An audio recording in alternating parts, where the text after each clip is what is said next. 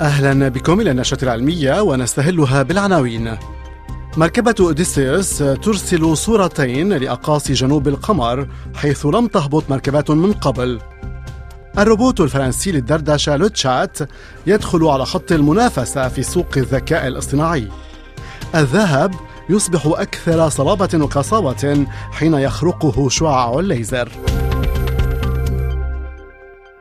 الشركة الأمريكية الخاصة Intuitive Machines التي حققت إنجاز عودة الأمريكيين إلى القمر بعد أكثر من خمسين عاماً نشرت على منصة إكس صورتين أخذتهما مركبتها أوديسيوس من أقاصي جنوب القمر حيث لم تهبط أي مركبة فضائية على الإطلاق.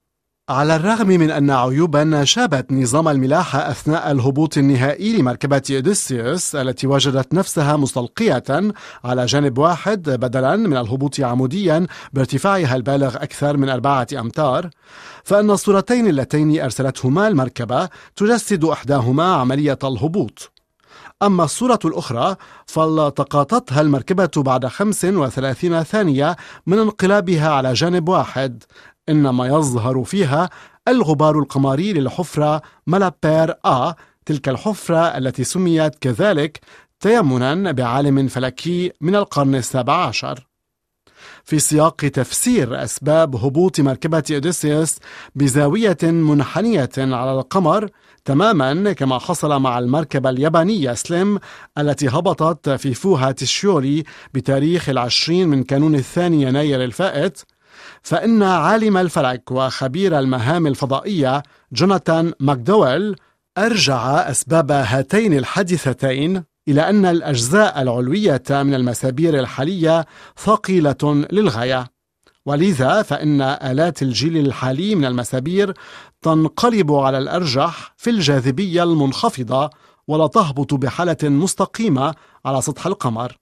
نشير إلى أن وكالة النازا التي ترغب في استكشاف القطب الجنوبي للقمر قبل إرسال روادها إليه ضمن مهام برنامج أرتيميس قررت إيكال خدمة نقل المعدات القمرية إلى شركات خاصة لكي تصبح الرحلات إلى القمر بوتيرة أكبر وبأموال أقل. لكن برنامج CLPS الذي أنشأته النازا لن يقتصر دوره على تفعيل جهود القطاع الخاص لنقل المعدات إلى القمر فحسب بل سيحفز هذا البرنامج تطوير الاقتصاد القمري القادر على دعم وجود بشري دائم على القمر وهو أحد أبرز أهداف برنامج أرتيميس.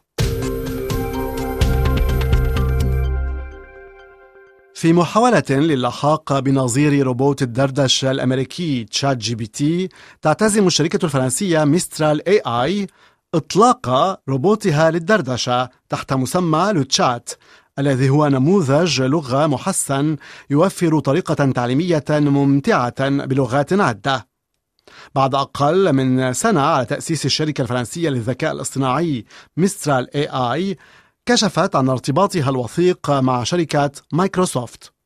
لذا ستدرس المفوضية الأوروبية ملف العقد الموقع ما بين هاتين الشركتين لمنع هيمنة الشركات الأمريكية على سوق الذكاء الاصطناعي في أوروبا. تدعي الشركة الفرنسية Mistral AI أن روبوتها للمحادثة Le Chat الذي أصبح متاحا لعامة الناس في الإصدار التجريبي يمكن مقارنته بأداء روبوت الدردشة ChatGPT 4 من شركة OpenAI الرائدة. مع أن الذهب يظل ذهبا ويستخدم كثيرا في قطاع المجوهرات وفي قطاع الإلكترونيات المتقدمة كموصل كهربائي جيد فإن هذا المعدن الشائع هو موضوع ظاهرة مثيرة للاهتمام في علم المعادن. عندما يتعرض الذهب للإثارة بواسطة أشعة الليزر يصبح أكثر صلابة وقساوة تحدثت عن هذا الاكتشاف دراسة دولية منشورة في مجلة Science Advances كان أشرف على كتابتها الباحث أدريان ديكون المتعاقد مع جامعتي ستانفورد وبلفاست الأمريكيتين. الذهب ليس الوحيد من بين المعادن الأخرى التي تصبح أكثر صلابة بعد تحفيزها بشعاع الليزر. يمكن ملاحظة هذه الظاهرة نظريا في معادن أخرى مثل الألومنيوم أو النحاس أو البلاتين. هكذا تنتهي النشرة العلمية فشكرا لجميع من تابعوا أخبارها وإلى اللقاء.